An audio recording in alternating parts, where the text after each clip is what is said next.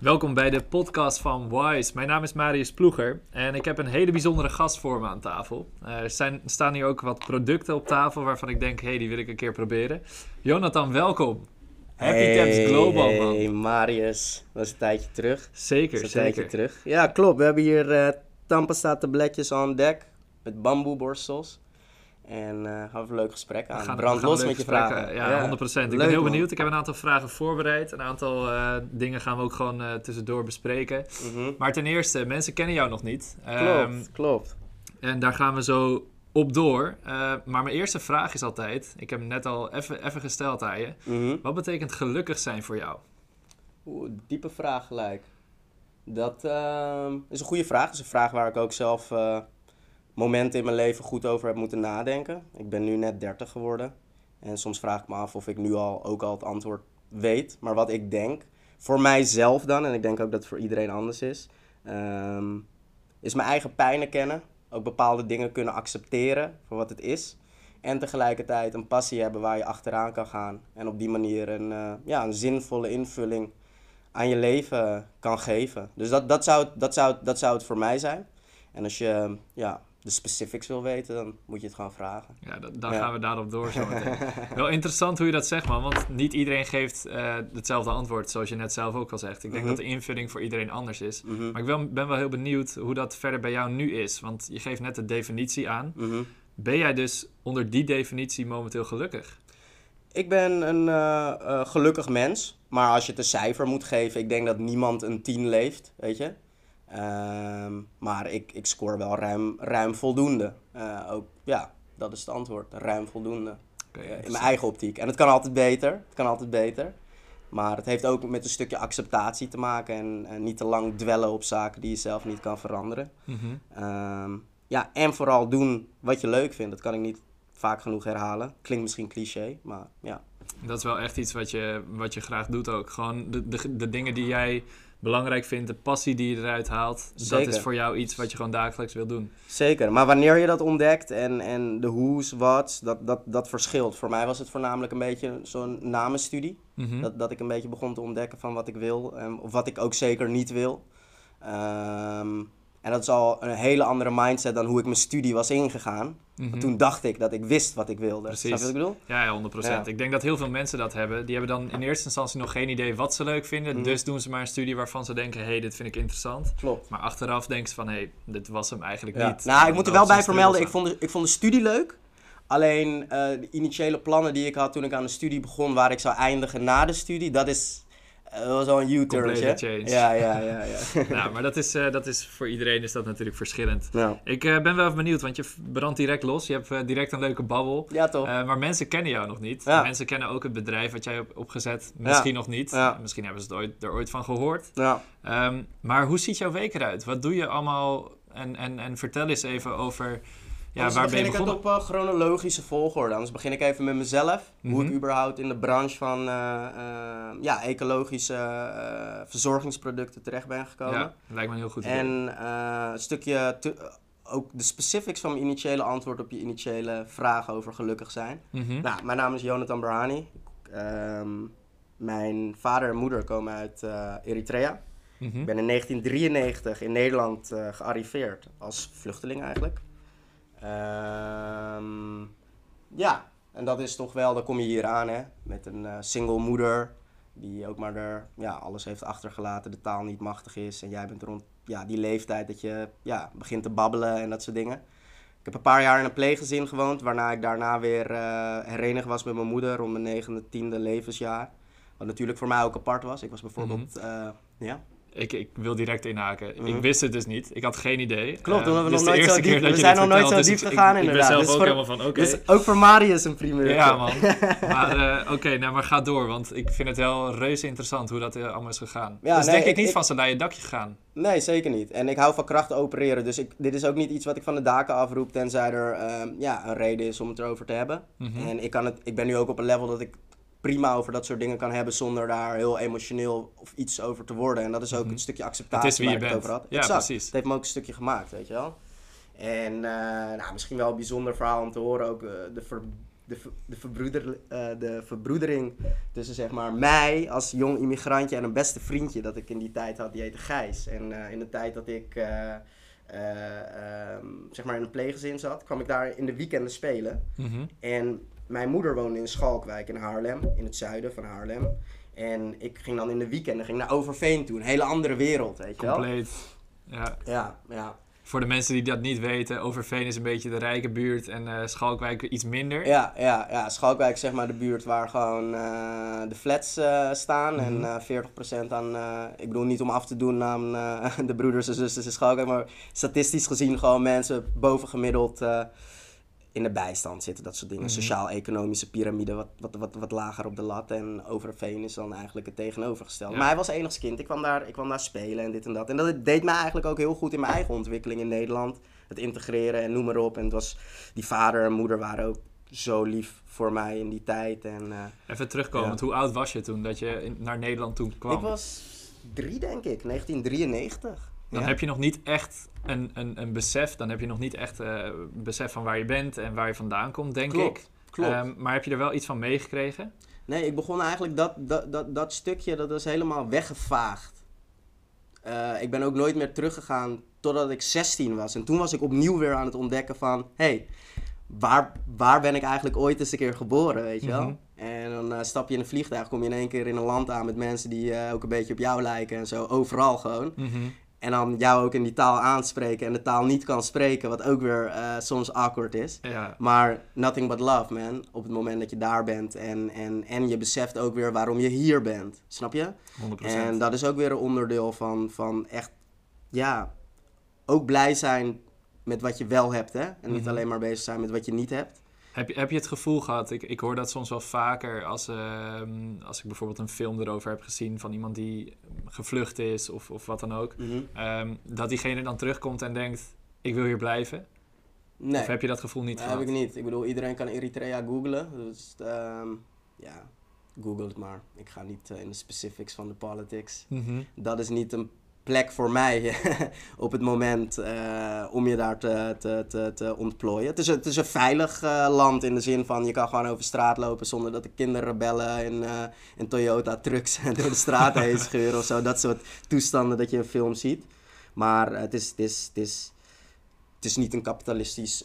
Het is niet zoals Nederland. Het is niet zoals Nederland, nee. Nee. Nee, nee ik, ik beschouw mezelf ook echt Nederlander. Laat ik dat Ja. voor, voorop stellen. Mhm. Ja. Alright, nou helder. Oké, dus, ehm, dus op dat moment kwam je dus in Nederland. Ehm Gijs. Ja, ja, bijzonder, dat was een bijzondere verhouding, weet je. En die Mhm. vader bracht mij gewoon bepaalde dingen mee dat gewoon voor mijn moeder niet in zat. Hoe graag ze het ook wilde. Mijn Die moeder, had misschien die kennis. Die, die heeft die kennis niet. Die heeft, die heeft alleen maar die 30-jarige oorlog meegemaakt, die van 1960 tot early 90s daar eh, woedde als een neveneffect van de Koude Oorlog. Dus die, die had niet de scholing, secundaire, tertiaire scholing zoals wij dat hebben, weet je wel. Dus zij, ja, haar main concern was gewoon dat er voedsel was. Ja, precies. Gewoon Ehm, die, die piramide ja, onderop. ja, Eerste wat je nodig had. Ja. Overleven, voedsel, ja. onderdak. Ja, maar hogerop in die piramide, dat, dat, dat waren wat limitaties. En ik denk dat die ouders dat op dat moment identificeerden. Dus een, een, voorbeeld daarvan was waar anderen bijvoorbeeld beloond werden met zakgeld of iets. Mhm. Kregen Gijs en ik soms een extraatje als we een boek hadden uitgelezen. Snap je? Dus om mijn dertiende had ik al pillen op, opgefroten als eh, eh, Uncle Tom's Cabin. In het Nederlands heet dat volgens mij De Negerhut van Oom Tom. Eh, Arthur Japans boek De Zwarte met het Witte Hart. Het zijn allemaal boeken die me wat doen. En eh, alhoewel, tegenwoordig lees ik geen romans meer. Dat is misschien een beetje jammer. Maar in die tijd... Misschien een idee om dat in de toekomst ja, op te ja, pakken. ja, ja. Maar je, je bent nu ook vooral druk. Ik vind het een interessant verhaal. Ik, ik ben ook heel benieuwd. Hier moeten we ook gewoon even op doorgaan. Want vervolgens ben jij in een periode gekomen dat je nou ja, jezelf wat beter leerde kennen. Je bent inderdaad een keer terug dan gegaan naar Eritrea. Ja, was om mijn 16 inderdaad. was met mijn moeder. Ging met mijn moeder terug. En mijn moeder, die, eh, ja, die. Vond hij dat moeilijk? Mijn moeder. Mhm. Nee, zij wilde heel graag. eh, zij wilde eigenlijk gewoon sowieso teruggaan. Maar er is ook eh, even aan een side note. Mijn moeder is zelf ook eh, ziek, zeg maar, eh, psychiatrisch. En voor iedereen is dat ook anders. Bij, haar is het meer bepaalde depressies en zo die met het verleden te maken hebben. Mhm. En haar integratie is natuurlijk niet verlopen als die van mij, omdat ik hier bijna ben geboren toen ik drie was. Ja. Dus eh, dat ik op het punt stond om een HAVO-diploma eh, binnen te slepen, had zij zoiets van, joh, ik denk dat ik terug ga. Mhm. Ja, Ik het was was voor 18. haar niet zo uitgelopen. Nee, dat eh, in de bijstand en dat, ik weet niet. Het was gewoon haar mindset op dat moment. En ik was Ja. ook maar 18. Eh, ik had niet... het is gelimiteerd, hè, wat je als Ja. 18-jarige op dat moment kan doen. Het enige Je, wat je je, denkt weet... dat je heel veel kan, je denkt dat je heel veel weet, maar eigenlijk precies, ben je daar precies. Het enige wat ik op dat moment wist van... Jongen, jij moet sowieso studeren, anders wordt het helemaal niks. Mhm. Ja? Dat is ook een beetje hoe het schoolsysteem en eh, het Zeker, systeem zeker. Maar ik raad iedereen aan met geen sterke netwerken, dit en dat. Maak je school af en beslis daarna wat je gaat doen. Weet je, dat ik ga niet naar school, dat is weggelegd voor mensen die nog op een andere manier zacht kunnen landen. Maar als jij gewoon echt uit een omgeving komt, je hebt geen familie, je hebt helemaal niks. Maak je school af, zorg dat dat je tweede vangnet is. En zoek daarna uit wat het is wat je wil. Dat was Mhm. op dat moment voor mij gewoon duidelijk, ik ga mijn school afmaken. Alleen het hele ding was, iedereen in het laatste jaar van de middelbare school, ik zat op een gemixte school gelukkig, waar je MAVO, HAVO en VWO had. Dus je had mensen van Schalkwijk, je had mensen uit Aardenhout, Bloemendaal, noem maar op. Iedereen wilde in zijn laatste jaar een tussenjaar. Een tussenjaar om te reizen. Een tussenjaar om jezelf beter te leren kennen en, te, en, en, en, en betere inzichten te hebben in, in wat je nou eigenlijk precies wilt in het Mhm. leven. Ik dacht, nou, klinkt goed. Wil ik ook wel. Maar hoe ga ik dat doen? Ik heb helemaal geen geld, weet je. Mhm. Ehm, dus ik moest dealen met wat ga ik daarmee doen. Tegelijkertijd stond mijn moeder op het punt om te gaan. En ik had een appartement die op het naam stond van mijn moeder. En ik was 18. Zonder geld. Omdat ook allemaal... Omdat je de hele tijd op school zat. Exact. Dus ik heb uiteindelijk een brief geschreven naar Elan wonen. Ik heb de situatie uitgelegd van mijn moeder. Dat ik op punt stond om te studeren. En als zij daar niet wat aan doen, dat ik eigenlijk wel potentie heb, maar dat ik op straat beland. Mhm. Willen ze dat ik op straat beland? of willen jullie met me meedenken? Dat is wel heftig, man. Ja. Dus eh, uiteindelijk wilden ze met me meedenken en met een jeugdcoach vanuit context kon ik dan alsnog dat contract binnenslepen. Hé. Ik sleep dat contract binnen voor de huur. Blijkt dus, ik denk ik krijg huursubsidie. Maar is Nederland weer leuk ingedeeld met regeltjes met huurplafonds die anders zijn voor eh, iemand die 21 of 23 plus is eh, ten opzichte van iemand die onder die leeftijdsgrens zit. Dus mijn, mijn huur was twee tientjes te hoog voor subsidie. Zat ik met dat probleem. Man, man. Oké. Nou, wat ik toen had gedaan is allemaal gasten uit de buurt. Hé, moet je nog een kamertje? Ja, precies. en, en, en ik had het toen nog niet allemaal zo bij elkaar, hè. Dus dan zat ik gewoon kamertjes voor 250 euro te verhuren of zo, weet je wel. Moet je nog een kamertje, kamertje. En toen dacht ik, oké, dat is in ieder geval geregeld. Je kan blijven. ja, mijn moeder naar Eritrea gevlogen. In mijn eentje teruggevlogen, wat best wel echt wel een heel emotioneel moment was. Mhm. Dus eh dan moet je zo zien, 2019 mei, diploma gehaald, HAVO. Ik schrijf me in voor februari 2010 studie. December twee- 2009 vlieg ik naar Eritrea met mijn moeder. Ik spendeer daar een maand. Ik vlieg terug. Twee maanden later, februari 2010, begin ik International Business Studies aan eh, de HES in Amsterdam. Waarom International Business Studies? Ik las, als jij gewoon goed je best doet, kan jij in het derde jaar op kosten van de tuition fee die je sowieso al kwijt was, als exchange student naar het buitenland toe. Dus ik dacht, hé, hey, Dit dat- is ideaal. dit is mijn oplossing voor dat hele tussenjaar gebeuren. Oké, ik moet wel werken, ik moet wel dingen doen, maar dan krijg ik alsnog die ervaring mee. Mhm. Dus ik dacht, let's, let's go, let's do it. Mhm. En eh, nou, ik had de richting uiteindelijk gekozen Asian Trade. Dus ik wilde heel graag naar Azië toe. Dus eh, ik rankte op een gegeven moment ook eerste. Dus ik ging ook exact naar de plek toe die ik voor ogen had in het derde jaar. Want je bent naar Shanghai Ja, geweest. Shanghai University for Finance and Economics. Eh, een semester daar gespendeerd, volgens mij van augustus 2012 tot eind 2012. En toen zat ik daar, hé, met, met, met, in een gedeeld appartement met nog een andere Amsterdammer, een goede vriend van mij. Shout-out aan Silvano. en ehm, ja, ik, zeg dit Silvano, ik weet niet hoe leuk je dit gaat vinden als je dit hoort. Maar dit, dit, dit, dit, dit is voor iedereen die twijfels heeft met relaties, weet je. Ik, op, op dat moment had ik een relatie en ik zat in het buitenland. En toen ik mijn vriendin had, wist zij al dat ik op het punt stond om een exchange te doen voor 4,5 maand. Dat, dat stond vast. Ja, je ging die kant op. Wat niet vast stond, is of ik daar nog 4,5 maand extra aan zou plakken met de stage. Mhm. Ik had een vriendin en die andere eh gozer had ook een vriendin. En die had besloten om uiteindelijk toch terug te gaan. En ik had zoiets van, dat, ja, Ga ik niet doen. Ik ga niet dat doen. ga ik niet doen. Ik wil even teruggaan, maar dan ga ik ook weer terugvliegen.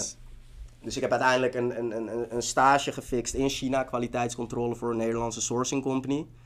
Ehm, Heel dope, ja, denk ik. ja, heel vet. Ook met de tijdverschil, hè. Zit je gewoon in een, eh, in een, in een Skype-call, in die tijd Skype, Skype-call. Bovenkant Cobertje, onderkant eh pyjamaatje, hè. Dus, Je eh, zat toen al in de COVID, ja, COVID-tijd ja. En eh, toen hoorde ik ook nog eens wat de voorwaarden waren. Ik dacht, klinkt als muziek in mijn oren. De meeste Mhm. mensen in Nederland verdienen 300, 400 euro per maand. Ze zeggen, je, ga, je krijgt een airticket van ons en 900 euro in de maand. Dus ik dacht, oh, dat is hoog. Wat, wat, wat, wat- Hoe- hoe- Why that so? Waarom? Ja, qua ja, stagevergoeding nou, het is, het is, het is niet, ja, het is, nou, het is niet de leukste plek om te zijn. Het is niet, eh, ik denk, kom maar op. ja, kom maar op. we zien wel. Dus ik ben daar. Het grote verschil is in Shanghai, als jij expats tegenkomt, ehm, of buitenlanders überhaupt tegenkomt, zijn het vaak gewoon westerse uitwisselingsstudenten. Of het is gewoon eh, niet van dit of dat, dit zijn mijn eigen observaties. Gewoon een middle-aged white dude, manager voor een multinational corporation. Dat is de setting wat je in Shanghai tegenkomt, oké? Allemaal leuk en aardig. Maar wat ik in Iwu tegenkwam was heel anders. Dat was in China waar ik over had gelezen. Het China, het fabrie- grauw-grijs fabriekstadje. En eh, daar werden eigenlijk best wel eenvoudige producten. Kwamen daar samen vanuit heel China. En dan had je allemaal malls. Dat waren een soort van, ja, agencies van die manufacturers. Dus dan had je één mal gevuld met alleen maar koffers, bij wijze van spreken. Eén mal gevuld met alleen maar speelgoed, bij wijze van spreken. Snap je? Bizar. Bizar. En dan had je dus enorm veel mensen uit Afrika, uit het Midden-Oosten, uit Zuid-Amerika. Die daar allemaal containers lopen vol te proppen. En een neef hebben in Abuja om de container te unloaden daar, weet je. En dat was een hele andere kant van China. Mhm. Eh, en dat vond ik ook gewoon heel leuk om gezien te Ook hebben. gewoon mooi om te ervaren, denk ik. Zeker. Dat gewoon ook in China, dus gewoon die Zeker. verschillende kanten naar Zeker, voren komen. zeker. Twee uurtjes met de trein en je zit in een andere wereld alweer. je. Compleet Dat, eh, andere provincie. Ja, ja, ja. Lekker, dus dat was leuk om te zien. En na die trip, toen ik terugkwam, ja, zijn een paar dingen misgegaan met die woning. Mhm. Weet je, dat wordt gewoon chaotisch op een gegeven moment. Dus die woning die was er niet meer. Oké, Die was gerepoed door eh, Elan. en, en toen was het gewoon bekken... Ja bro, ik kwam gewoon terug met de kleren aan mijn lijf, de koffers en mijn ervaring in mijn hoofd. En ik moest een kamer En zoeken. what's next? Ja, ik had een kamertje gehuurd, 3 bij 2. Die lieve vriendin van mij ook in die tijd, jongen, alles maar slikken daar. Maar eh 3 bij 2 kamertje en van daaruit eh, mijn studie afgemaakt. Toen kwam ik eigenlijk terecht bij de Ohm Collection en dat is eigenlijk waar mijn carrière als ondernemer begon. Precies, en daar ben ik heel benieuwd naar Ja. ook. Want het is nu dat, dat ik je, jou ook een stuk beter leer, leer kennen door dit hele verhaal. Ik vind het ook heel interessant. Die gaan we later gaan we gewoon nog een keer over hebben. Ik ben Mhm. heel benieuwd verder. Ehm, maar toen kwam inderdaad het moment richting ondernemen. Ja. Ehm, je staat nu, ik denk wel dat je kan zeggen dat je, dat je jezelf daarin echt enorm hebt ontwikkeld. Zeker. Maar dat is ook niet van begins af aan zo gelopen. Zeker niet. Ehm, je komt in een wereld die je nog niet kent. Eh, voor mensen die nu geen idee hebben, de wereld waar jij in zat, dat, dat was ook nog niet echt een wereld waarvan je denkt, hé, hey, dat is nu booming, denk ik. mhm. Tenminste, toen de tijd. Klopt. Ehm, vertel, je, je kwam bij Ohm Collections en, Ja. en toen. Ja. Voor, trouwens, voordat ik dat kamertje van 3 bij 2 had, ehm, dat had ermee te maken, huurde ik even in bij een vriend van mij, van de Mhm. middelbare school, Roel. Deze jongen is heel getalenteerd in hout bewerken en al die dingen. Hij Mhm. zegt, eh, joh, eh, wil je een extra zakcentje verdienen? Ik ben aan het klussen in Aardenhout aan een juffrouw haar woning. Ik zeg, joh, waarom niet? Dus ik was gewoon die simpele dingen doen, opschuren, zodat hij het echte werk kan doen, weet je Ja. wel. En eh, nou, ik kom daar aan. Dat is Michelle heet ze. Even, even terugkomen op dit. Mhm. Gewoon wat extra geld nodig. Het is wel een soort grind die jij aanpakt om gewoon wel gewoon je extra centje te verdienen. Precies, Zit- want eh, zit ik, kon niet, ik, kon niet, Zit- ik kon niet voor eeuwig bij Roel blijven. Nee, hè. Ik moest ook gewoon mijn nieuwe kamertje vinden Daarom. op de borg, nieuwe kleren, omdat ik alleen nog een oude koffer had en al die dingen. Precies, dus dat is wel gewoon een mentaliteit van, hé, je, je moet wel wat, man. Je Zeker. moet aan de slag. Zeker. En dat bracht me uiteindelijk op nieuwe dingen. Dus ik kwam in Aardenhout terecht. En ik kende niemand uit Aardenhout in die tijd, weet je. Dus je komt dan bij een villa terecht waar je, moet, waar je gaat werken. Mhm. En die mevrouw was toevallig bezig met een deodorantlijn. Eh poederdeodorantlijn. Het heet de Ohm Collection. O-H-M Collection in het Engels. Als jullie het eh, willen checken online. En eh, ik denk, joh, wat, wat doet zij de hele tijd daar in dat kamertje, weet je wel? En dan Mhm. zat ze dan met een buurjongen, Thomas. En nou, blijkt dus, ik leer haar beter kennen en zo. Zij heeft al een mega succesvol eh, bedrijf. Eh, dat is een, een, een, een eh, vitaminesupplementenmerk, heet Solgar. Dat ligt echt werkelijk waar in al- alle, alle, alle, alle winkels bijna. De, Ja. de, de DA's, alle speciaals. Iets waar jij nu mee bezig bent. Eh, ja, ja, ja. En ehm, ja, die zegt, ik wil graag iets met jongeren beginnen. Mhm. Ik wil met jongeren een onderneming beginnen.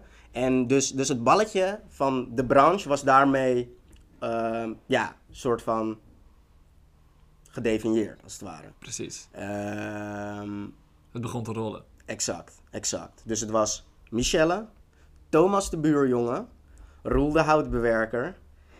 En ze hadden eigenlijk gewoon nog iemand nodig die, ja, Roel had mij voorgesteld als de guy die van de business school afkwam en die in China was en dit en dat. Dus ik dacht, het kan ook wel een handige aan- aanwinst zijn voor het team. En er was nog één iemand anders, die was er wat ouder. En dat was dan degene die oog in het zeil zou houden, dat we er niet een complete circus van maakten. Eh, we waren allemaal 22 of zo in die periode. Dus eh, nou, we gaan van start. Vijf mensen in één bedrijf. Toen vond ik het heel leuk. Vandaag zou ik het iedereen eh, afraden. Maar het is wel een stap die je moet zetten om erachter te komen, vind ik het leuk of niet? En Exact. is het handig voor mij exact, of niet? exact. Dus ik, ik ben door die hele molen moet ik, moest ik persoonlijk gaan om erachter te komen. Hè? Ja. Dus, maar Learn your lessons. Ja, ja. Maar wat ik daar denk ik het meest heb geleerd, want ik kan uren nog praten over de ervaringen daar en zo. Maar wat ik denk ik het meest heb geleerd is een stukje. Kijk, ik was altijd al een makkelijke prater in de zin van als ik een presentatie moest doen op school. Ik, ik wil wel de presentatie doen, geen probleem. Mhm. Waar ik iets minder goed in was, merkte. Wat ik ook goed kon, was gewoon in een callcenter zitten en iets verkopen. Wat ik nog niet echt had ervaren, om zo tegenover iemand face-to-face te zitten en een deodorant te pitchen. Oké. Dus toen brak er een periode aan. Dat was gewoon heel simpel, weet je. Gewoon een company starten. Dit zijn de producten. Producten in je rugzak. Je weet je leadlijst. Je weet waar je naartoe wil. Je kent het product. Je hebt je studenten-OV. Hupsakee. En Gaan. gewoon gaan. Ja. En deuren kloppen. En er was een moment dat ik wel een soort van... Ik noem het zelf een beetje de... Ja... Ghetto-syndroom. Ik heb geen ander woord voor, bro. Ghetto syndroom. Ghetto syndroom. Ghetto syndroom is zeg maar. Dit is niet eens een echte definitie. Dit is gewoon wat ik nu even het zo noem. Wat ik Ja. daarmee probeer te zeggen is: als jij zeg maar uit een, uit een, uit een eh, niet bevoorrechte positie komt. Soms wilt dat je een beetje naspook in je hoofd met betrekking tot what you can achieve. Of dat mensen überhaupt met jouw zaken willen doen. Dat is bizar, hè? Ja, dat, dat, dat sluipt erin. Dat, Mhm. dat, dat, dat kan er ook insluipen trouwens met de politieagent tegenkomen. Er is niks aan de hand, maar je wordt zenuwachtig. Ja, Eh, precies. aan Dat is aan- de side, Dat is het. side. Ik herken dat gevoel wel. Dat je gewoon denkt dat je iets misdaan hebt, maar dat is niet zo. En je komt misschien van een plek, maar... Ja. Inderdaad. dus vertel. Dus, syndroom. dus eh, het moment dat ik, dat, dat, dat ik die chains van me afbrak, Mhm. was op het moment dat die Pieter, eh, die, Pieter ehm, die dus wat ouder was van ons, helemaal uit Amsterdam-Zuid, chic mannetje, hè, die komt daar aan bij een winkel in Amsterdam. En dat lukte me niet daar. En ik wist niet dat hij daar al was geweest. Ik ben een week later in die winkel en het lukt mij wel. Dus ik vertel Hoe ging dat? Hoe ging dat? Je kwam binnen? nou, het was sowieso een Britse juffrouw, Sue Jones, Vitamin eh, Advice Shop achter de Dam. En eh, ja, dan kom je binnen en dan zeg je wie je bent. En ik denk ook in die tijd ja, dat je een beetje, eh, soms ook wel een beetje gunfactor meekrijgt. Je bent wat jonger, hè? je komt een beetje cute binnengelopen en zo om je verhaal te doen. Ze reageerden gewoon top. Dus ehm, ik doe die pitch, vertel het duurzaamheidsverhaal achter de deo, de mooie ingrediënten, wat er niet in zit, wat er wel in zit. Eh, het verhaal van de mensen erachter. En ze zegt, eh, ja, ik wil het wel proberen. Nou, ik Pieter bellen. Want we willen, Het altijd, is gelukt. we willen altijd onze celebrations delen. Hij zegt, hé, hey, ik was daar vorige week nog. En zij heeft mij de deur gewezen. En toen dacht ik, joh, dit zit Let's in mijn hoofd. it. Dit zit in mijn hoofd. Ja. Want het is mij wel gelukt. Pieter niet. Waarom denk ik zo? Ik Mhm. moet stoppen met zo denken. Het is een mindset. ja, want je bent, eh, anders wordt het echt een self-fulfilling prophecy. En dan ga je zelf beren op de weg gooien Mhm. en zo, weet je wel. Dat is wat heel veel mensen doen, man, tegenwoordig. Ja, ja. Dat, dat je denkt van, ja, waar, waar is dit voor nodig? Ja, nou, maar ik merk het ook als ik... eh, ik bedoel- Overthinking. Zeker, maar, maar, maar ook mensen die niet ondernemen en je vertelt ze wat en het eerste waar ze over beginnen zijn de risico's zo, in plaats van de kansen. Precies. Dus eh, ja, dat, dat, zo, zo, zo ben ik er Ik vanaf vind het gekomen. steeds leuker gesprek worden. Ja, Ik, zo eh, ben ik er vanaf gekomen. Dus wat dat betreft is het gewoon aankloppen, je loopt binnen en het is gewoon een kwestie van je, Echt je- je ding omarmen. doen, man. Echt het proces omarmen. En, en ja, en dan die ja's, die gaan jou de energie geven. Eén keer een ja, Het is de kunst om niet te vallen op de nee's. Snap je wat ik bedoel? Mhm. En en dat, nee ga je toch nog wel een keer die krijgen. ga je sowieso krijgen. Misschien nog wel eens vaker dan de ja, maar uh, is- je bent daar als dat je niks meer doet. Mhm. Interessant, man. Oké, dus dat was je eerste eigenlijk echte verkoop. Gewoon man Ja. tot man, of tenminste man tot vrouw in dit geval. Ja, En je verkoopt iets. En ja, ja. En wat eh, toen? vanda- toen kreeg je die sales spirit binnen. Pardon? Toen kreeg je die sales spirit binnen. Zeker, dan krijg je die sales spirit binnen. Dan ga je het bedrijf verder uitbouwen. Je hebt een paar initiatieven van, joh, laten we naar de beurs in Duitsland gaan. Nou, iedereen heel terughoudend. Ja, nou, eh, zijn we wel ready voor dat eh, in Nederland. En, eh, nou, Maar ik, ik weet al hoe jouw reactie was. Let's fucking go. ja, ik zeg leuk en aardig. we leven in Europa, weet je. Het is één e-mailtje en iets is besteld en het is in Duitsland. Dus waarom gaan we niet gewoon, weet je? Nou, je spendeert 4.500 euro en je haalt de klant binnen voor 40.000 euro, weet je. Dus dat was een no-brainer. En het jaar daarna hebben we het gewoon, gewoon nog een keer gedaan. En hetzelfde riedeltje eh, geflikt. Dat was dan Mhm. geen 40, dat was volgens mij 30. Eh, Maar ja, wel een dikke, dikke sale. Zeker, zeker, zeker. Alleen, nu zijn we wel een paar jaar vooruit gegaan richting 2016, 17, 18, 19. Nou, op een gegeven moment liggen we in 300 winkels, de ecoplazas, de vitamin stores. En ik merk gewoon aan mezelf van, joh, het is wel heel druk met z'n vijven. Mhm. Realistisch, je wordt zelf ook wat ouder. Eh, eh, ik had inmiddels ook een paar vrienden die een eigen onderneming hadden, dat ik daar ook wat van eh, meekrijg. En ja, dan is de vraag, hoe, hoe, hoe lang wil je dat nog doen? Want je, je hebt gelimiteerde stem ook, hè? Als je met z'n vijven, dat is niet zo... Dat, Nou ja, als, eh, je moet een meerderheid hebben, wil je iets kunnen doen. Precies, en dat werd me een klein beetje te politiek. Ja. Eh, dus op vriendschappelijke voet heb ik gezegd, joh, het was echt een gaaf avontuur. Heel veel geleerd. Time for the Eh, next step. Het is tijd voor mij, denk ik, om gewoon echt iets te doen waarbij ik zelf een complete invulling kan geven. Dus Kapitein zo, op eh, je eigen schip. Ja, en dat was wel eh, was lastig. Als we het over lastig hebben en, en, en, en, en niet zielig in een hoekje zitten. Kijk, eh, je, hebt die tent opgebouwd, meehelpen opbouwen. Zes jaar, dat Mhm. stopt dan. Toevallig is- in dat is- jaar ook mijn relatie over van acht jaar. Ja. En toevallig brak de winter ook nog eens aan rond september. Weet je. Dus het waren donkere Moeilijke maanden. periode. Ja. Dus ik, eh, ja, de WW in, hè, met, een, eh, met, een, eh, met die overeenkomst van eh, de BV, waar ik Mhm. een onderdeel van was. En nou, dan kom je toch door een molen heen, hè. En dan, dan, dan word je echt behandeld. Dan moet je video's gaan kijken hoe je moet gaan ondernemen, hè. Dat, Vanuit waar? Van het UWV? Of, ja, vanuit de gemeente en UWV. Dus dat ben ik allemaal gaan doen. Ja, je zag gewoon, yo, dit is echt bedoeld voor, voor eh, niet, niet om af te doen aan de timmerman of zo, maar dit is echt bedoeld voor, voor de ZZP'er timmerman die morgen een klus heeft of zo, Mhm, weet je wel. Ja. Nou, ik dat allemaal braaf invullen en mijn eigen geschiedenis uitgelegd en een forecast van de nieuwe company opgezet. Nou, uiteindelijk na drie maanden kon ik eruit, uit die WW en kon de company door. Eh, het bestaat nu denk ik, wat is het? We zijn begonnen met verkoop Q4 2009, Q1 2021 is net voorbij. Ik denk dat we in 100 winkels nu liggen. 2019 bedoel je? Eh, Q, Q4 2019 begon de verkoop. Ja? En we zitten nu eh, Q1 2021, dus zo lang bestaat het bedrijf. We liggen in 100 verkooppunten. En nu heb je het Eh, over het bedrijf wat jij Happy vanaf dat moment Ja, hebt ik ben opgezet. even fast forward gegaan. Dus, Ja. dus dat was, ondanks dat het zo'n donkere periode was van... Want die break-up, ik zeg je heel eerlijk, dat was... Bro, Dat was heftig. dat, dat was iets wat ik nog niet eerder had meegemaakt Mhm. op die manier. Dat was een nieuwe soort van pijn die je ook op een gegeven moment moet accepteren. Daarom begon ik ook met acceptatie, zeg maar, in het begin. Hè? Precies. Het is toch wel mooi dat dat dan weer je, terugkomt. ja, zeker. Als je geen acceptatie hebt, dan ga je dwellen. En Mhm. wanneer je dwelt op dingen, dan...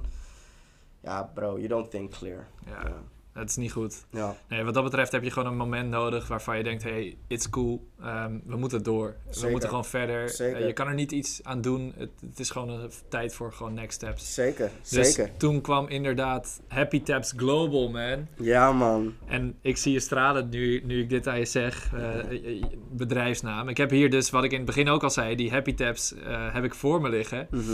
Maar hoe in vredesnaam kom je op zo'n product? Want het is niet zo dat je daar direct op komt, denk ik. Is Nee. er een voorbeeld voor je geweest waarvan je dacht... hé, hey, hier kan ik wat mee, eh, hier moet ik wat mee? Goeie vraag.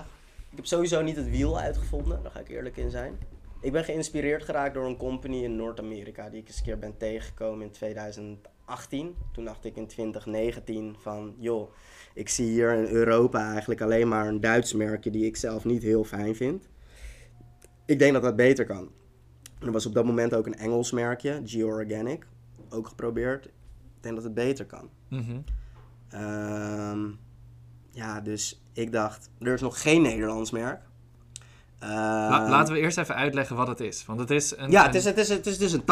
Ja. Het, is, het is een nieuwe generatie product waarbij eh, het water eigenlijk onttrokken is. Dus het is eigenlijk een mix van poeders, compressed in een tablet. Jouw tandpasta is niks anders dan dat plus 50% water in een tube, zeg maar. En die tube is niet nodig. En die tube is niet nodig. Die is van plastic, er zit coating in, wat moeilijk te recyclen is, noem maar op. En ehm, los van de environmental aspect zit er dus ook geen bullshit ingrediënten in, zoals eh, SLS, microplastics, eh, noem maar op. Verkrijgbaar met fluoride en zonder fluoride voor de mensen die dat wensen. En los van de, van de, van de environmental factor geven 5% van onze winsten geven ook terug. eh, eh, aan, aan, aan een organisatie dat heet de Healthy Teeth Foundation van Alice. En Alice die doet eh, onderzoek aan ACTA in Amsterdam, eh tandheelkundig onderzoek. En die heeft ook projecten lopen in Kenia en Zuid-Afrika waarbij ze onderzoeken doet naar kindergebitjes. En het schijnt dus dat de allerarmste mensen in de sloppenwijken, dat eh, een van de grootste redenen voor schooluitval is gewoon kiespijn. Zoiets simpels als kiespijn. Ja, als je dan al verneukt raakt, sorry voor mijn woorden, op zo'n leeftijd om zoiets relatief simpels, ja, dat, dat bepaalt al een groot deel van jouw leven. Hè? Mhm. En- 100%. Het heeft heel veel invloed op dat je een dag niet naar school kan. En Exact. misschien twee dagen, drie Exact. dagen. Dat wordt, het loopt alleen maar op. Exact, exact. Dus die hebben daar van die educational programma's. Er worden producten uitgedeeld. En ook als ze daar weggaan, dat die educational programma's voortgezet worden. Zodat die mensen ook gewoon door, door, door kunnen gaan. Mhm. Dus dat is een extra aspect. Dat vond ik zelf wel belangrijk. Los van dat je al een heleboel plastic en dat soort dingen hiermee bespaart. Eh, dat er mooie ingrediënten zitten. en Niet alleen maar synthetische troep. Ehm, maar dat je ook wat terugdoet of teruggeeft. Precies. Ehm, Eh, dat siertje, man. ja. Ik denk dat dat ook gewoon nodig is op deze wereld. Een stukje teruggeven. ja, Ehm, ja. dat, dat, eh, dat zie je gewoon te weinig. Ja. Ik denk dat op het moment dat je samen gaat groeien, dat je samen voor bepaalde dingen gaat, dan ga je veel verder komen dan dat je dat alleen denkt te doen en de wereld denkt te redden in je eentje. Heeft niet zo heel veel zin. Zeker. Dus zeker. mooi dat je dit doet, man. Wel, en de missie is dus basically wel gewoon, de company missie is wel gewoon mensen natuurlijk helpen om te reduceren in eh, consumptie van ja, plastic. Mhm. Plastic, plastic, plastic. Dus het is een glazen potje, er zitten 80 tabletten in. Ze navulbaar met refill packs, wat gemaakt is van karton. Er zit een zakje aan de binnenkant van biologisch afbreekbaar cellulose. Eh, je krijgt een gratis bamboeborstel altijd bij je bestelling. Dus ook geen excuses om al het plastic uit je badkamer eh, te flikkeren. Ik En, heb hier eh, voor me liggen. Ik ga ja. vanavond nog proberen, ja, man. ja. Je hebt de concurrent ernaast liggen, dus doe ze allebei, zodat je ook een referentiekader hebt met tabletten. Ja, precies. Want Dus, dat is wel interessant. Want er zijn dus wat dat betreft concurrenten op de markt. Zeker. Zie je ze als concurrent? Nou, aan het einde van de dag zijn we wel substituten van elkaar. Dus als je het ene koopt, hoef je niet per se meer het andere te kopen. Ehm, puur vanuit functionaliteit, hè. Maar als je het echt gaat hebben over smaak en zo, ja, weet je... Weet je, guys, probeer het zelf. Ik wil, niet, ik, wil, ik wil niet die richting opgaan met mezelf helemaal de hemel in prijzen. Ik zeg Mhm. gewoon, probeer het verschil en je ziet het zelf. En dat is de reden waarom dit ook op tafel ligt bij, je, bij Mhm. jou. Ja. Zeker weten. Ja. Ja. het leuke is, we, je hebt een potje meegenomen, die gaan we ook weggeven. Ja, dus op het moment dat je Leuk. dat deze podcast hebt beluisterd en eh, de post is online zometeen, dan kan je reageren als jij hem wil winnen. Dus dat is eh, hartstikke leuk. Ehm, maar goed, Happy Taps Global. Ik heb je marketing bekeken. Ik heb ook ehm, ja, een aantal dingen onderzocht qua websites, et cetera, eh, die je momenteel hebt. Je zit in een heleboel winkels. Ehm, je bent als een malle gegroeid. En ik denk dat je daar nu nog steeds mee bezig bent. Zeker mee bezig. Ehm, Ja. ik ben wel benieuwd. Welke investeringen heb je echt in jezelf of in het product gedaan... waarvan je denkt, hey, hier heb ik kennis van opgedaan... die ik nooit meer kwijtraak? Ja, ik denk dat het gros van de kennis van de business development kant, dat het voornamelijk uit de ervaring komt bij de Ohm Collection. En die kleine struikelblokken, dat je dat allemaal hebt meegemaakt en dat je niet meer verlegen bent. En dat je gewoon die telefoon heet laat gloeien en belt en probeert te connecten met Je weet mensen. hoe het moet. Exact, exact. Ehm, wat wel een nieuwe uitdaging was, was die pandemic. Ja, man. Ehm, dus ik heb wel een periode gehad toen dat binnenkwam, dat ik een beetje het gevoel had, joh, beter bel ik deze klanten even niet meer de komende Mhm. drie maanden. Want ze waren, eh, gelukkig lig ik wel in wat wij noemen essential stores, met een groot deel van... eh, Dat is wel echt een ja, voordeel. Want ja. ik kan me voorstellen, bij wijze van spreken... als je in een eh, bepaalde winkel ligt... waar dit niet heel erg noodzakelijk is... Ja, dan- die dan winkel is dicht. Dan is die dicht gewoon. Mhm. is gewoon dicht en dan ben je helemaal verkoop. afhankelijk van je eigen online shop, wat overigens ook wel gewoon goed gaat hoor. Maar ehm, ja, op, je, je ziet gewoon, me- me- mensen hun gedrag veranderde heel even. Toen de pa- pandemic net binnenkwam, Mensen die kwamen voornamelijk naar dat soort winkels om scala aan immuniteit boostende producten, vitaminesupplementen, handgels. Dus je moet ook snappen dat die ondernemers die die, die, die winkeltjes ownen, dat die dan ook gewoon gaan focussen op hetgeen waar Tuurlijk. op dat moment meest vraag naar is. Ja, vraag en aanbod. Het is gewoon Exact, een kwestie van... eh, exact, ja, exact. We, we weten hoe die game is. Dat was wel challenging, maar wat ik tegelijkertijd merkte is dat bijvoorbeeld online shops wel gewoon doorgingen of harder gingen dan ever. Mhm. Dus dat was wel apart, apart, apart om te zien. Ja. Ik denk dat je wat dat betreft in een goede combinatie zat ook weer. Want je ziet wat wel loopt en wat niet goed loopt. Ja. Ehm, winkels wat dat betreft wat minder. Maar internet eh, is opga- op gaan schalen, dat is niet normaal. Dat hebben Ja. wij zelf natuurlijk ook met ons bedrijf meegemaakt. Ja, Maar ik denk dat jij dat ook wel hebt gezien. Dat op het moment dat jij nu een advertentie runt, veel meer mensen zien hem in één keer. klopt. Klopt. Dus ik denk dat je wat dat betreft wel ook weer de mazzel hebt. Of tenminste, is het, is het mazzel? Ik denk dat het gewoon eh, het een kwestie van doen is. Het is een kwestie Om- van doen. Want, Om jezelf te verkopen ook weer op het internet. Zeker, want ik had ook niet veel geld toen ik dit begon. Hè? Mhm. Dit is echt bootstrappend gestart. Ja. On- onder de 10.000 euro mee begonnen. Ja, het is heel simpel. Je kwam wat dat betreft gewoon uit een WW. Dus Ja, hoe kan je uit veel geld putten? Dat gaat dan niet. En dat is Dus, niet eh, hard bedoeld, maar dat is wel gewoon letterlijk waar je vandaan komt. dat, dat is wat het is. Des te knapper waar je nu staat. Dat is wat het is. En tegelijkertijd zit je met dat appartement, hè? met je rekeningen en dit en dat. Dus terug naar die resources, hoe je gestart bent. Bro, eh, je energie, man. Je energie, man. Je moet gewoon een periode hebben dat je gewoon 35 uur bij wijze van spreken een job kan hebben. En 35 uur hier aan werkt, totdat je op een kruispunt komt. Dat je organisch daarin kan eh, overvloeien zonder dat je je cashflow helemaal eh opfokt. Mhm. Dus wat dat betreft is het nu voor jou denk ik ook een punt dat je daar een beetje in zit van oké, what's next? Zeker, Ehm, zeker. en daar gaan we ook direct mee door. Ehm, je hebt nu je bedrijf. Ehm, je hebt waarschijnlijk heel wat momenten meegemaakt waarvan je denkt, hé, hey, hier heb ik veel van kunnen leren. Ehm, hier, dit, dit doe ik de volgende keer anders, et cetera. Ik denk dat je dat allemaal een beetje hebt doorgehad. En je zit nu waarschijnlijk op een level waarvan je denkt, wow, ik ben best wel tevreden, maar ik wil meer. Wat is hetgene wat je op de korte termijn zou willen creëren met bijvoorbeeld een Happy Tabs Global? Ja, ik, ik moet je eerlijk zeggen, ik ben tevreden als in eh, waar we nu zijn. Maar ik zou nooit kunnen settelen voor waar we nu zijn. Want ik vind, ondanks dat jij zegt 100 is quite impressive. Ik heb 300 gezien, dus ik vind dat, snap je? Dat up and beyond, bro. Mhm. Up and beyond. Ja, maar op het moment dat je daar ooit een keer bent geweest, weet je ook hoe je er opnieuw een keer kan komen. Exact, exact. Dus, ehm, nou, wat in ieder geval een leuke primeur is aan het einde van dit jaar, ik kan geen namen noemen, gaat er een Nederlandse, een van de Nederlandse ketens gaat eh, tabletten intro- introduceren. Ja, ik kan nog geen naam noemen, maar ik kan je wel zeggen, dat worden hele lekkere tabletjes, if you, if you catch the vibe. En eh, voor de rest, ehm, Ik Ja. weet de naam wel, dus ik kan het bevestigen. Het, is, het, het wordt wat. ja, ik ben heel wat, benieuwd. het wordt wat. Anders komen we einde van het jaar nog een keer terug. Precies. Ehm, ja, eh, het zou natuurlijk heel, heel mooi zijn om ook gewoon eens een keer eh, te praten met de jumbo's van deze wereld en dat soort dingen. Ik bedoel, als ik gewoon kijk naar dat soort partijen, zie je steeds meer duurzame merken ook eh, daar terechtkomen. En wat ik extra dope vind van jumbo specifiek, is dat je ziet dat ze ook kleine ondernemingen een kans geven. Eh, dus ik heb, ik heb daar ook eh, Sophie Greens Refills, een soort van schoonmaakmiddel wat je kan navullen. Ehm, De Good Roll, de toilet paper that builds toilets. You know what I Mhm. mean? Like, die nieuwe generatie ondernemers en producten, dat zij daarin geloven en dat een kans geven, ja, dan, dat, dan denk ik ook wel van, ja, daar zou ik ook wel graag eens een keer mee in gesprek willen. Dus dat eh, gesprek gaat ook komen deze zomer. Eh, waar, waar dat schip eh, uiteindelijk gaat stranden, weten we natuurlijk niet. Ik vind het wel mooi, want dit is, dit is een aspect. We hadden het er heel kort even over. Een stukje law of attraction. mhm. Ehm, het feit dat je dit nu uitspreekt en het feit dat je hiermee bezig bent, denk je dat dat meespeelt in die law of attraction? Voor dat als jij straks met een jumbo in gesprek bent, dat dat misschien hier uit dit gesprek wel is ontstaan? Uit dit gesprek die we hier aan tafel hebben. Mhm. eh, Want je, je, je vertelt het nu, wellicht is er iemand bij de jumbo die dit hoort. Zij heeft al een bericht van mij gekregen. Samples, je bent samples al zijn al onderweg. Oké. Maar goed, meer in de, in de trant van law of attraction. Denk je dat dit een rol speelt? Dat je moet durven uitspreken waar je naartoe wilt en durven uitspreken wat je wilt bereiken in je leven? Zeker. Je moet gewoon blootgesteld worden aan, aan, aan die situaties. En dan, eh, als je dat vaak genoeg doet, dan landt er op een gegeven moment iets op je pad. En dan is het afhankelijk van hoe jij dat gaat oppakken hè, op dat Mhm. moment.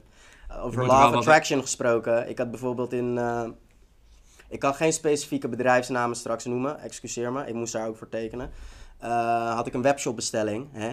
En eh, uit, eh, uit Duitsland. En het pakketje was vertraagd geraakt. Het was rond die sneeuwstormperiode. Ik denk, joh, dat pakketje is toch onderweg. Ik heb nog even geduld. Maar ik was in een goede bui. Ik denk, weet je wat, ik stuur alvast het tweede pakketje achteraan. Ik Mhm. zie wel wat met het eerste pakketje gebeurt.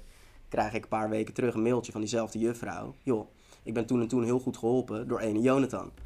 En blijkt dus dat zij werkt voor een company dat zeg maar toeleverancier is aan allemaal vliegtuigmaatschappijen die bezig zijn met eh, plastic waste reduction, single, single-use plastics en al die dingen. Je kan denken aan travel kits waar, waar dan je ja, een plastic borstel normaal gesproken in zit Alles- of een mini. Colgate tubetje of zo. Precies, maar dat is hartstikke Ja, leuk. maar dan, eh, terugkomend op Law of Attraction, dan, dan op dat moment weet jij op dat moment, die vrouw heeft iets besteld. Het is vertraagd geraakt. Ik kan kiezen, zei ik niet, wacht gewoon nog een week. Mhm. Of ik kan kiezen, joh, ik wil eigenlijk wel gewoon, want ik ging eigenlijk alleen voor een review, hè, niet voor Ja, zo'n mooie 100%. afspraak. Nee. Dus, eh, nou, dat eindigde zo. En eh, die is nu eh, dat gaan pitchen daar. En dat ga ik ook binnenkort horen voor, ja, En zo, eh, en zo komt het toch op je pad. Want Ja. straks vlieg ik met KLM of met een andere Ja. vliegtuigmaatschappij. En dan Moet je wel business class vliegen, Ja. Maar, eh, is goed, ik ga nu mijn tickets omboeken. nee, maar inderdaad, inderdaad, inderdaad. Echt wel heel vet, man. Want ik denk dat je daarin ook echt onwijs veel stappen ma- maakt. Je leert er enorm van. Ehm, ik vind dat heel dope. Ja, Is er iets eh, wat jij bij wijze van spreken... Stel, ik sta helemaal onderaan die ladder. Ik, eh, ik wil beginnen met, met bijvoorbeeld het verminderen van plastic. Of ik, ik heb een klimaatdroom die ik wil, wil realiseren. Jij bent daar nu eigenlijk mee bezig. Met dat soort doelen bereiken. Ehm, wat zou je tegen die mensen willen zeggen die daar nu nog niet mee bezig zijn... maar dat wel een keer willen? doe het in kleine stapjes. We hoeven echt niet allemaal bomen te knuffelen, een Tesla te rijden en met tandpasta-tabletten te poetsen. Het gaat er gewoon om dat we met z'n allen Dit is een hele mooie uitspraak. Ja, dat, het, gaat, het gaat er gewoon om dat we met z'n allen kleine stapjes zetten. Waar jij die stapjes zet, moet je zelf weten. Maar het is in ieder geval een, een, een mooie stroming om te zien dat er dus een nieuwe generatie ondernemers is. Die dus producten probeert te ontwikkelen. eh, die, waarbij je in ieder geval niet achteruit gaat op gebruikersgemak. Maar wel vooruit gaat op de environmental of social aspect van zo'n merk of product. Mhm. Weet je wel? Dus ehm, dat, kan, dat kan werkelijk waar voor alles zijn. Voor, voor de een is het een paar keer minder vlees eten door de week, weet je wel. Eh, voor de ander is het... ehm, Je Ja. kan het zo gek niet bedenken eigenlijk. Voor- voor- maar er zijn heel veel... heel voor de veel ander aspecten. is het, ik neem gewoon altijd mijn eigen kof, eh, eh, ko- koffiemok mee, weet Mhm. je. Om, om, om eh, bij de appie af te vullen. Het kan voor iedereen iets anders zijn. Als het maar iets is. En Je, samen... moet, je moet dat wel doen. Ja, je moet het wel, klein- je moet het wel doen. Je moet het wel doen. Ja, moet het wel precies. doen. Dus ga naar happytabs.com, bestel je ding en eh, wel gratis borstel. Ja, precies. Maar het is wel mooi waar je mee bezig bent. Ik denk ook gewoon letterlijk dat als mensen dit horen, dan ben je direct geactiveerd. Want ik denk dat het gewoon een heel groot eh, onderwerp op dit moment is. Een stukje klimaat, een stukje hiermee bezig zijn. Eh, de hele oceaan daarin. ik ben er toevallig geweest. In Bali ligt vol met plastic. Ja. Het is niet leuk om te zien. Plastic wordt daar verbrand. eh, is ook niet goed voor je. Het, het gaat de hele verkeerde kant op eigenlijk. Ja, En als je daar een steentje aan bij kan dragen door bijvoorbeeld je tanden te gaan poetsen, ja. eh, niet met een tube, maar met een, een, eh, een tablet wat dat betreft, denk ik dat je een heel stuk verder bent. Zeker, zeker. Interessant man. En ook niet meer strokkelen met dat laatste beetje in je tube. Of tube schade door tweeën knippen. Of de, tablet, de, de, de liquid bag op de airport. Ja. Misschien moet je wel nog even uitleggen wat die pilletjes zijn. Nee, dat is een geintje. maar dat hoeft dus niet meer in die zakjes en zo. Nee, precies. Nou, dat is wel ideaal man. Ik vind, het, ik vind het een heel mooi product en ik denk ook echt dat je daarmee door moet gaan en, eh, en keihard moet grinden totdat dit echt een, echt een heel groot succes gaat worden. Ja. Ik denk ook wel dat je dat gaat lukken, want je mindset is wat dat betreft gewoon op een level waarvan je denkt, hé knallen man, we Ja, moeten door. Misschien moeten we over een jaar nog een keer praten. Kijken Ja, waar we dan staan. Ik vind hem Ja. interessant. We gaan hem nu al plannen, gewoon Ja, voor volgend jaar. Doen we volgend jaar. Wel interessant. Hey, je bent nu bezig met een, eh, met een kantoor. Ja. Ehm, je, je, je zit op een punt waarvan je denkt, hey, eh, ik wil verder, ik wil door. Ehm, wat zijn de dingen die je daarover kwijt wilt, wa- waarvan je denkt, hey, op- in de toekomst wil ik hier naartoe. En in de nabije toekomst... nou, ik denk dat we het vooral nu hebben gehad over wat allemaal goed gaat en zo. Mhm. Dus het is echt niet zo dat altijd alles maar goed gaat. hè? Nee, ik denk het ook niet. Dus ik denk dat het gegeven mooi is om te vertellen wat minder goed gaat. Ja, ja. Ehm, kijk, je moet, je moet ook eerlijk met jezelf zijn van wat gaat er goed, wat gaat er wat minder en, en, en, en hoe zou je dat kunnen verbeteren, weet je? En Herhaal wat goed gaat, analyseer wat beter kan. Exact, exact. En eh, kijk, ik durf hands down te zeggen dat qua tandpasta tabletten Nederlandse merken, dat ik nummer 1 in retail ben uh, op, op, op, op gebied van hoeveel winkels. hè. Mhm. 100 is echt niet spectaculair, nogmaals. Maar dat is wel een statement, durf ik mijn hand voor in het vuur te gooien voorlopig nog. Voorlopig nog. En ehm, alleen wat digitally, online, is een klein beetje een ander verhaal. Ook omdat mijn geschiedenis bij de Own Collection, alles wat ik daar geleerd heb en mezelf in verbeterd heb, had voornamelijk te maken met business development, eh, connecten met mensen, meerwaarde uitleggen, partnerships, noem maar op. Maar niet per se, ik zet deze advertentie op of ik heb dit, dit ad budget of zo zo zo. Dus op een gegeven moment moet je ook bij jezelf te raden gaan van wat wil je daaraan doen? Vind je dat prima zo?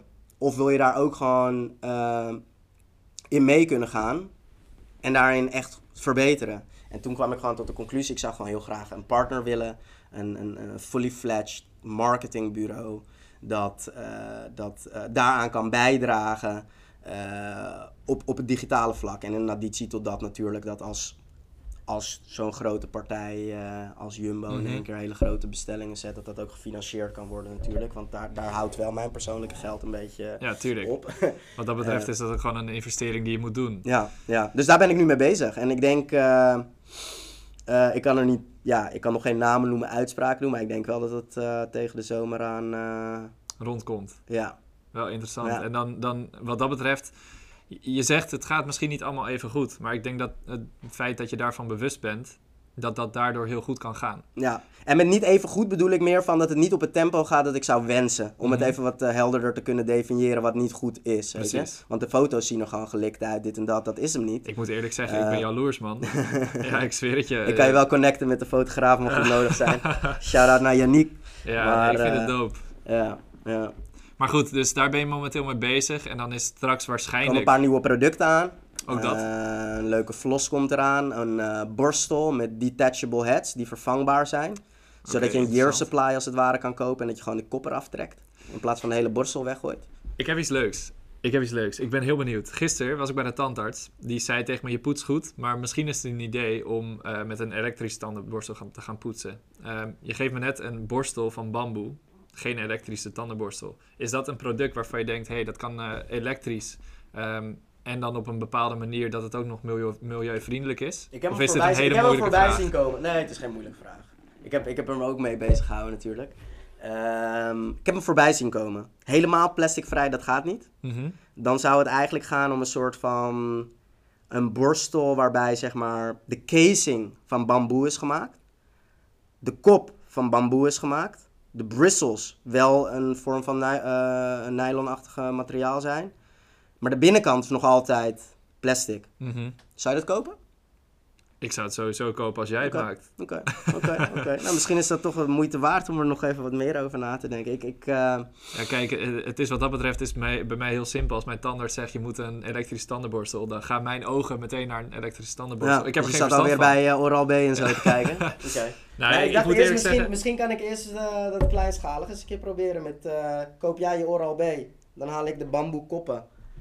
Kan je in ieder geval die bamboe erop die je elke zetten. keer Ja, precies. nee, wel interessant, man. Ja. Dat vind ik een leuke. Nou, oké, dus let's go. We gaan door. Houden we contact daarover. We gaan, we gaan daar contact over houden. Ik ben ook wel even benieuwd.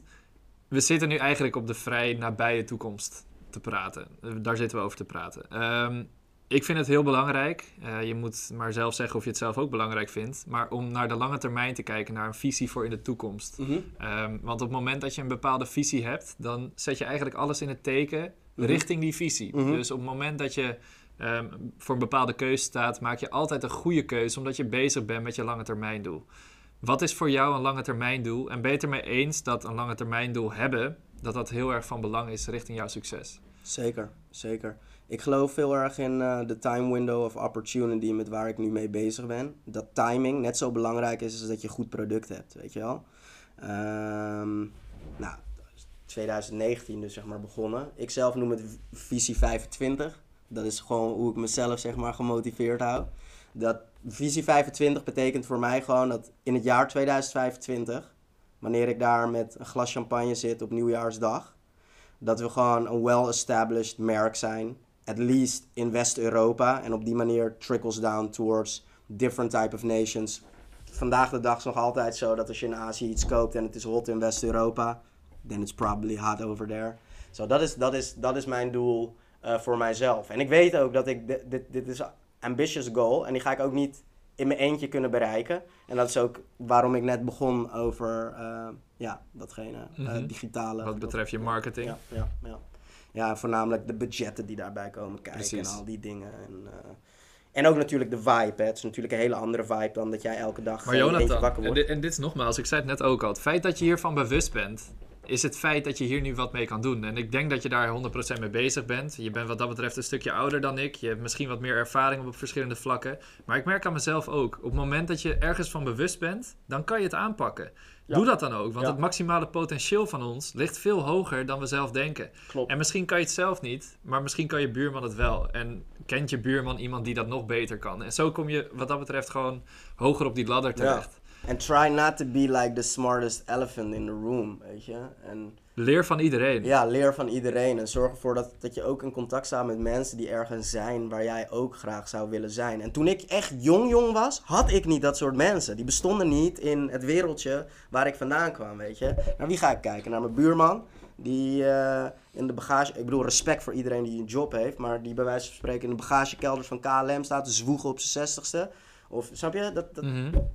Ook van die kan je leren. Maar Ook het is van die wat dat kan je betreft, leren, is maar- het, je wilt wat dat betreft wil je op een hoger level. Ik luisterde toevallig gisteren een podcast. Op het moment dat jij met ehm, welvarende mensen eh, een gesprek hebt, dan ligt dat waarschijnlijk op een hoger niveau dan dat je met een, iemand een gesprek hebt die er wat minder zit. Ja. Ehm, en Ja. dat is niet om iemand te beledigen of, of, of af te danken of wat dan ook. Maar het is gewoon zo. Het is zo. Diegene heeft waarschijnlijk heel veel in zijn- in zijn in zijn koppie zitten Ja. waar jij ontzettend veel kan- van kan leren. Dus op het moment dat je ervan bewust bent dat je daarmee moet gaan eh, connecten, dat is het moment dat je ook veel meer kan gaan leren. Ja. En dat is Ja. voor jou waarschijnlijk dan ook op dit moment zo van, hey, als ik met die mensen in contact kan Exact. komen, als ik met eh, iemand met money, wat dat betreft, eh, een samenwerking aan kan gaan, Mhm. dan is dat voor jou perfect. Ja. En het netwerkeffect, weet je wel. Ik bedoel, hoeveel verschillende klanten hebben zij nou in het verleden gehad. eh, als jij elk, elke maand op de golfbaan staat met, eh, weet ik veel Het is wat. toch iets anders? Ja, dus misschien zie je me straks Dat, golfen. dat, dat maar, zegt, eh, eh, dat... laten we samen gaan. Ja. Gewoon meteen hier. Ik zit hier naast een ik golfbaan. hoorde wel dat het lidmaatschap 10.000 euro per jaar was. Moeten we even leggen. Nee, maar ja, het is letterlijk zo. Een vriend van me zegt dat altijd. Your network is your net worth. Your dus wat dat betreft... ehm, ja, Ja. je moet wat dat betreft gewoon... Je, Maar je je vrienden hebben er ook alles mee te maken hoor. Want eh, 100%. ik zeg niet Dan Peña is alles, maar show me your friends, I'll tell you your future is ook wel een mooie, vind ik. net 100%. Als je alleen maar met bankhangers zit te chillen, Dan word je eh, zelf een word bankhanger. je zelf een bankhanger. 100%. Dus wat dat betreft, creëer gewoon voor jezelf een omgeving waarvan jij gaat leren, waarvan jij naar een volgend level gaat. Ja, Ik denk dat wij op, de, op dit moment daar keihard mee bezig zijn. Is dat iets wat je ziet in deze maatschappij, wat nog te, te weinig gebeurt? Ik merk dat er zoveel keuzes zijn voor mensen dat ze gewoon niet meer we- weten wat ze willen. En het begint al, ik bedoel, in, in de tijd dat ik mijn studie begon in 2010. Ik heb zoveel mensen gezien die drie verschillende studies hebben gedaan, man. Dan denk ik echt, wow, dat zit veel dieper dan, ik vind dit niet leuk. Mhm. Ja, dat, daar, heb ik ook geen, daar heb ik ook geen antwoord op. Hè. Daarom begon ik ook net van, dat, dit is mijn verhaal. Hoe dat voor Mhm. anderen is, weet ik ook niet exact, weet je wel. Maar dat, dat, er is iets in, er is zoveel keuze, dat het gewoon soms lastig is voor mensen van, wat is het exact wat ik wil? Waar ga ik me op vastbijten? En, en ik, ik had dat ook een periode, hè. Ik dacht ook gewoon, ik word een leuke fancy consultant of zo na mijn studie. En eh, ik wilde uiteindelijk wat anders. En daarin vond ik mezelf. Dus ja, ik kan het beter aan jou vragen. Want ik denk dat jij meer eh, ervaring hebt met mensen te zitten, ook met je coaching en zo. En 100%. eh, dat voor hun te gaan identificeren. 100%. Ik denk dat het een kwestie is. Kijk, dat soort calls krijgen we heel veel binnen. Van ik zou niet weten wat ik moet doen. Mijn studie vind ik niet leuk. Ik krijg ook heel veel mensen die rijk willen worden. Ehm, Maar niet weten met wat bijvoorbeeld. geen idee. Ja, dat, geen idee. dat vind ik een basisschoolantwoord. Sorry mensen hoor. Nee, maar dat is, eh, dat is ja. letterlijk. En je kan ook niemand de schuld hiervan geven. Ja. Ik, ik denk dat je moeilijk iemand de schuld kan geven die nog nooit heeft verder gekeken. Of de kans niet heeft gehad om verder te kunnen kijken. Dus die, eh, die blik vooruit, die proberen wij ze te geven in zo'n call. Van hey, kijk eens wat er allemaal mogelijk Ja. is. En het begint al simpel bij, kijk wat er hier op tafel ligt. Eh, liggen dan die happy taps op tafel, maar ligt ook een glas. Kan jij een nieuw glas bedenken die veel beter is dan, dat, dan die er nu staat? En is misschien een kut voorbeeld, maar het is wel iets waar je over na kan denken. En misschien vind je dat wel super leuk, terwijl je er nog nooit over, over, over hebt nagedacht. Mhm. En er zijn zoveel manieren om erachter te komen wat jij leuk vindt. Maar je moet wel gaan onderzoeken. Je moet het wel gaan doen. Je moet het gaan voelen. Wat je zelf net ook al zei. Als je naar een eh, Bentley shop gaat omdat je graag een Bentley eh, wilt. Je moet ervaren hoe dat is. Ja. Nee, doe een proefrit. Ja, ja. Ga bekijken hoe dat zit. Dit hebben de kijkers eh, of de luisteraars niet eh, hebben, hebben gemist. Ja, precies. Maar maakt niet uit. Het is, het is meer gewoon een, een, een koppeling van... Op het moment dat jij... ehm, Ga naar die bezichting van die villa die je niet kan betalen. Er gaat nu iemand heel hard lachen, denk ik. maar goed, eh, je moet het gewoon doen. Je moet gewoon ervaren hoe het is. En geef daar een gevoel aan. Bekijk het. eh, eh, zie hoe het proeft. Eh, zie hoe het proeft. Zie hoe het eruit ziet. Proef, proef hoe, hoe je je erbij voelt. Op die manier ga je gewoon ervaren van... oké, er zit veel meer in mijn leven dan inderdaad wat je ne- net zei. Bank hangen, gamen, eh, Ja. chillen.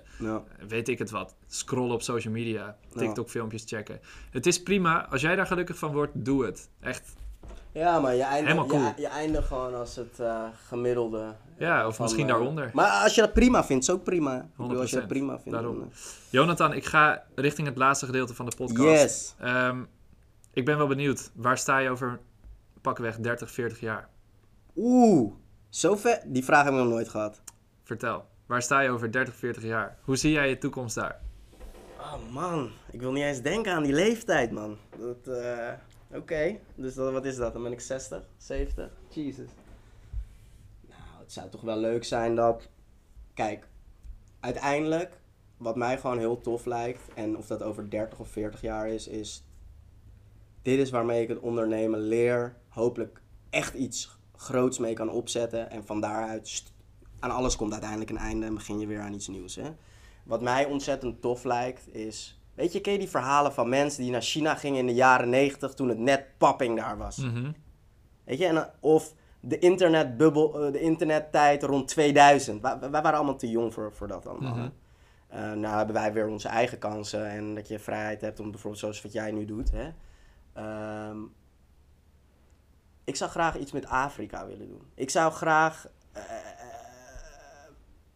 afhankelijk van hoe het loopt, maar wat je nu al ziet is toen ik in China was, eh, de gemiddelde loonkosten die stijgen daar al zo sterk dat China aan het verschuiven is van cheap manufacturing naar meer advanced manufacturing en dat de economie ook niet alleen maar op export draait, maar ook op domestic consumption. Dat zorgt ervoor dat de gemiddelde lonen duurder worden, waardoor bepaalde fabrieken al verhuizen naar, ik zeg maar wat, Vietnam of dit en dat.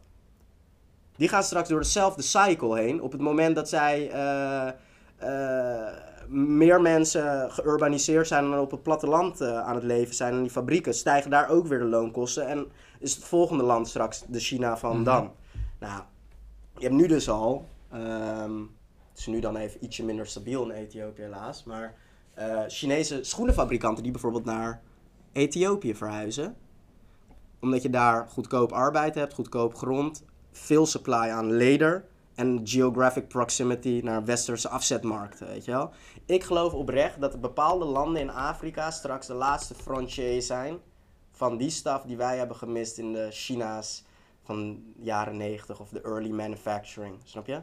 En ik zou daar graag een rol in willen spelen, willen bijdragen. De hoe, wat, in wat voor vorm, context, Geen idee. dat weet ik niet, maar die grander vision. Maar dan moet je een big boy zijn, wil je daarmee Mhm. spelen, weet je. Dus eh, ja, Je hebt een weg te gaan, man. nog een hele weg te gaan. Maar ik heb het vertrouwen in dat je, dat je in ieder geval gaat doen wat je leuk vindt. ja, daar, daar gaat het me voornamelijk om, ja. 100%. Ja, En dat ja. je dan waarschijnlijk over een hele periode kan terugkijken van... hé, hey, ik ben trots op mezelf. En eh, ik kan mezelf gewoon goed Ja. in de spiegel aankijken. En Zeker. ik Maar denk 30, dat het 40 jaar 100% is wel lang. eh, dat heb ik 100%. er nog niet eerder over nagedacht. Op die manier. Dus Ja, wellicht iets, wellicht de iets om eerste over keer dat je me verrast eh even met zo'n eh, vraag. Hey, ehm, laatste vraag van mij. Ehm, op het moment dat jij nu voor een keuze staat, of nee, niet eens voor een keuze, het, eh, het gebeurt gewoon. Je gaat Mhm. naar een andere planeet, je komt hier nooit meer terug. Wat zou je nu, op je laatste dag dat je hier bent, tegen al die mensen hier op deze planeet willen zeggen? Het is het laatste wat je kan zeggen. Je gaat naar een andere planeet, je komt niet meer terug.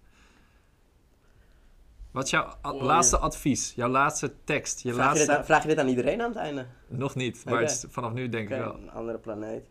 Doe een beetje lief voor elkaar. Doe een beetje lief voor elkaar. En voor de planeet. Sterk.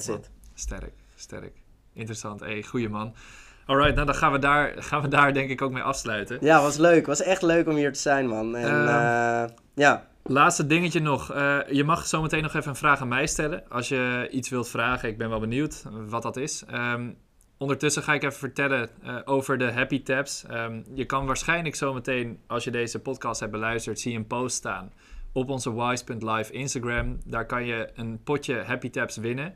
Um, reageer daar. Laat even weten wat je ervan vindt, uh, wat je van de podcast vindt. En, en volg Happy Tabs uiteraard. En volg Happy Tabs, ja, vergeet ik helemaal te vertellen. Maar dat is, uh, dat is het minste wat je voor ons terug kan doen. Ik hoop uh, dat je het een superleuke podcast vindt. En dat je dus ook een steentje bij kan dragen aan het milieu. Door inderdaad een potje Happy Tabs te gaan winnen in ieder geval. Zeker. Wat ik tof vind van wat jij doet, is dat, jij, dat, je, dat je deze podcast doet.